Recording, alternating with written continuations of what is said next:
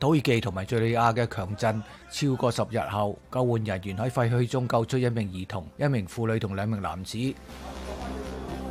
五十八岁嘅英国男子大卫巴兰坦史密斯喺英国驻柏林嘅大使馆担任保安嘅时候，喺三年嘅时间里面向俄罗斯传递机密信息。新西兰暴风加布里埃尔造成咗死亡人数喺周五达到八人，仍然有四千五百多人下落不明。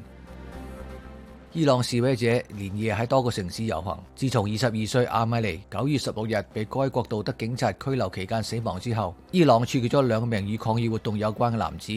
科索沃庆祝独立十五周年，但系塞尔维亚并唔承认科索沃独立。长日一个月嘅庆祝活动包括举行阅兵仪式同埋议会特别会议等。